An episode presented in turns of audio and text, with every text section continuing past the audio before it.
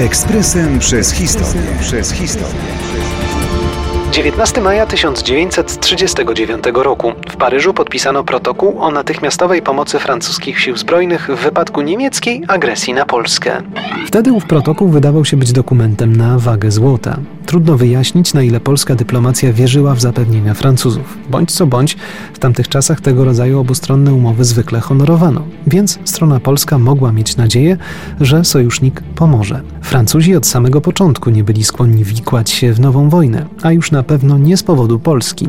Protokół był dla nich jedynie kolejnym elementem dyplomatycznej rozgrywki. Niemcy bali się jednak panicznie walki na dwa fronty i tylko publicznie prezentowali obraz nieugiętych. Kiedy w trzecim dniu wojny, którą rozpętali Francja i Wielka Brytania oficjalnie wypowiedziały im wojnę, Hitler był załamany i zapytał ministra spraw zagranicznych Ribbentropa: I co teraz? Ani Wielka Brytania, ani Francja nie chciały jednak realnie pomóc Polsce we wrześniu. Był to kolosalny błąd. Niemcy, wbrew pozorom, słabo osłonięci na froncie zachodnim, mogli zostać łatwo rozbici. Zaprzepaszczono jednak tę wielką szansę, przy okazji pieczętując tragiczny los Polski.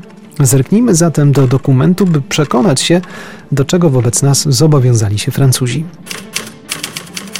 w wyniku agresji niemieckiej przeciwko Polsce lub w wyniku zagrożenia żywotnych interesów Polski w Gdańsku, co wywołałoby zbrojną akcję Polski, francuskie siły zbrojne rozpoczną automatycznie działania w sposób następujący. Francja podejmie natychmiast działania powietrzne zgodnie z uprzednio ustalonym planem.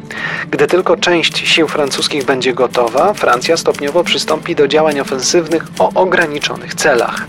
Gdy tylko zaznaczy się główny wysiłek niemiecki przeciw Polsce, Francja głównymi siłami rozpocznie działania ofensywne przeciwko Niemcom, poczynając od 15 dnia.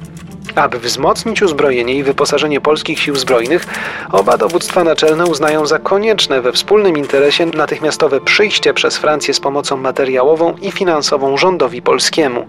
Pomoc ta pozwoli wydatnie zwiększyć siły Wojska Polskiego i rozwinąć w Polsce przemysł wojenny, tak na potrzeby Wojska Polskiego, jak i na potrzeby jego sojuszników na wschodnim teatrze działań wojennych. Pozostawmy to wszystko bez komentarza. Ekspresem przez historię.